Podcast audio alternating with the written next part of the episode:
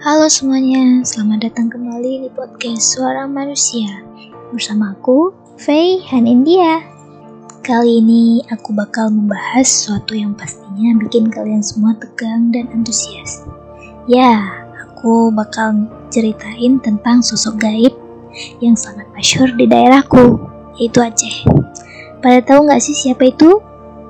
Nah, benar sekali. Sosok gaib itu adalah burung tujuh. Bagi kalian yang baru saja mendengar nama itu, aku bakal jelasin lebih detail. Nah, burung tujuh ini memiliki arti dari kosakata yaitu burung yang artinya hantu atau ya kalau lebih tepatnya itu kuntilanak lah, kuntilanak. Nah, tujuh ini yang bermakna tujuh. Secara keseluruhan, dinamakan burung tujuh ini karena ada yang mengartikan bahwa tujuh kuntilanak ini yang dipelihara oleh seseorang itu akan dikirimkan kepada orang yang hendak diguna-gunai. Ada pendapat lain juga itu hmm, yang mengatakan bahwa ketika seseorang memelihara burung tujuh itu, maka dia harus menanggung janji dengan kuntilanak itu sebanyak tujuh keturunan. Nah, si orang ini dia itu nggak akan bisa mati sebelum diwariskan kepada keturunan setelahnya. Meskipun pada saat itu dia sedang sakit berat, sekarat, bahkan sampai gak berdaya lagi, pokoknya dia tuh nggak akan mati sebelum burung tujuh ini yaitu peliharaannya itu diwariskan kepada keturunannya. Ya, keturunannya keturunannya itu mau nggak mau ya terpaksa menerima warisan dari kakek atau um, pendahulunya itu walaupun sebenarnya itu dia nggak mau tapi ya itulah tuh kesalahan besar sang pendahulu terus apa yang bakal terjadi dengan korban dari si burung tujuh itu nah biasanya hal yang paling hal yang paling sering terjadi itu si korban itu bakal sakit kulit itu kayak gatal-gatal di tubuhnya. Nah, bisa juga korban ini hmm, di apa dikenai um, jadinya si korban ini bakal bangkrut ataupun uh, cerai, pisah dari pasangannya itu.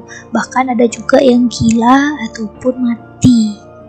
Beneran nih kalau kalau orang yang terkena kiriman burung tujuh ini badannya itu udah kayak bukan miliknya lagi pikirannya tuh udah kosong dan gak dapat dikendaliin lagi ada juga yang mengalami gejala seperti kerasukan nantinya setan itu akan membuat pemilik tubuh itu meraung-raung kayak binatang manjat-manjat tembok hmm, ngamuk ya hal-hal seperti itulah.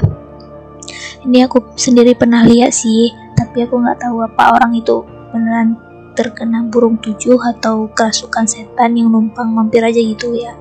Ya kan aku bukan ahli jin kan kan aku nggak tahu jenis-jenis jin yang masuk ke tubuh manusia ini nih hal yang paling uh, penting yang harus kita semua tahu bahwa hmm, sebenarnya apa sih penyebab utama seorang itu mengirimkan burung tujuh itu? Hmm, biasanya orang tuh ngirim burung tujuh karena ada rasa iri ataupun dengki dengan para korban. Ataupun itu uh, kalau bukan rasa iri atau dengki biasanya sih sakit hati ya sakit hati sama si korban yang mungkin korban ini terlalu menjengkelkan ataupun sering uh, mengucapkan kata-kata yang tidak enak. Nah makanya kan Jangan sering membuat sakit hati orang, karena ketika mulutmu itu sudah berucap kasar, meskipun kamu minta maaf dan bersujud dan bersimpuh, rasa sakit itu tak akan pernah bisa hilang. Nah, ingat itu. Hei, ingat, sebelum berlanjut lebih jauh lagi, aku peringatin ya, jangan dengerin podcast ini sendirian. Siapa tahu ada dia yang sedang mendengarkan cerita tentang dirinya bersamamu. Hihihi. Oke, kita lanjut ya. Sebenarnya, burung tujuh ini terkait dengan proses penjaan setan, di mana orang-orang yang ingin memiliki burung tujuh ini akan mencari beberapa persembahan itu kepada setan yang yang ingin dipujanya gitu, yang ingin dia dapatkan sesuatu dari setan itu. Nah, berupa apa? Berupa mencuri air di pemandian jenazah ataupun dia bakal menggali kuburan yang masih segar untuk mencuri organ-organ tubuh dari si mayat itu. Nah, biar si setan yang dipuja ini senang dan mengabulkan permintaannya. Makanya di Aceh itu terkadang kalau ada sanak saudara yang meninggal, mereka bakal uh, mengawasi kuburan itu selama sampai 40 hari biar uh, tidak ada orang-orang yang jahil yang ingin membongkar kuburan dan mengambil uh, bagian tubuh dari um, sanak saudara mereka. Tapi biasanya yang biasanya uh, mayat yang masih bayi itu dapat uh, menyenangkan si setan itu lebih besar. Jadi kemungkinan pada uh, kuburan um, apa ketika bayi itu meninggal itu dan besar untuk dibongkar itu. Di Aceh kejadian di guna-guna atau bahasa Acehnya itu di Pekenong oleh burung tujuh ini memang tidak tidak asing lagi di telinga masyarakat hmm, memang tukang pelihara setan ini lebih banyak ada di masa lalu daripada di zaman sekarang. Namun bukan berarti di zaman sekarang itu itu nggak ada, tetap ada, tapi uh, apa intensitasnya itu sudah lebih berkurang daripada yang orang-orang dahulu gitu. Meskipun dunia sudah modern dan dipenuhi oleh berbagai macam teknologi yang, can yang canggih, ya satu dua masih ada lah orang yang masih percaya sama sama ilmu hitam dan ilmu mistis itu yang lebih lebih percaya pada setan daripada hmm, teknologi ya gitulah. Oh ya, aku belum menjelaskan gimana cara supaya korban ini bisa terlepas dari gangguan kuntilanak. Nah, biasanya tuh masyarakat Aceh akan memanggil tengku. Nah, tengku ini sebenarnya ada dua jenis ya. Kalau dari kalau dari pendapatku nih, tengku ini ada dua jenis yang sering dipanggil-panggil oleh masyarakat Aceh. Yang pertama adalah tengku yang uh, lebih sering dibilang ustadz gitu kalau bahasa Indonesia.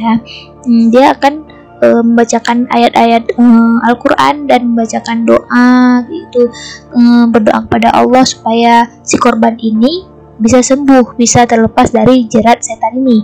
Nah, yang kedua juga dinamakan tengku, tapi sebenarnya ini hmm, kalau dalam bahasa Indonesia-nya itu dukun. Uh, nah, tapi juga disebut tengku. Dia ini memiliki ilmu hitam yang akan menggunakan mantra-mantranya itu untuk melepas setan dari tubuh tubuh korban. Nah sebenarnya e, dari pengalaman itu dua-duanya itu bisa berhasil melepaskan e, melepaskan si korban ini dari dari jerat setan. Tapi ya dua ini kedua ini adalah dua jenis orang dua jenis pengobatan yang berbeda satu mm, dari orang yang benar satu dari orang yang salah itu memiliki ilmu hitam orang yang sesat. Sebenarnya, jika seseorang membentengi dirinya sendiri dengan cara selalu beribadah pada Allah, nih aku yakin ya, jangankan mutilanak, Falak aja takut tuh sama sama kita, percaya deh.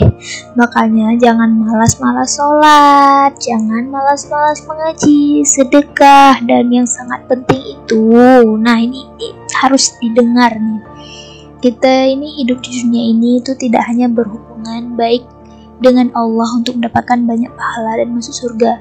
Kita harus berhubungan baik dengan manusia. Jaga lisan, jaga tali silaturahmi. Jangan hanya di kamar, jangan malas-malas uh, mengunjungi tetangga, mengunjungi teman-teman. Nah, semoga hidup kita selalu aman, sejahtera. Amin. Oke, okay, gitu aja cerita tentang burung tujuhnya ya dari Faye Harindia. Um, ada dari banyak sudut pandang sih kalau untuk cerita-cerita urban legend begini. Kalau ada yang tidak sesuai dengan yang kalian tahu, boleh banget loh buat ceritain kisah versi kalian ke DM aja ke IG kami yaitu at kami underscore suara manusia. Nanti akan kami tayangkan di podcast ini. Sampai jumpa di podcast selanjutnya. Ciao.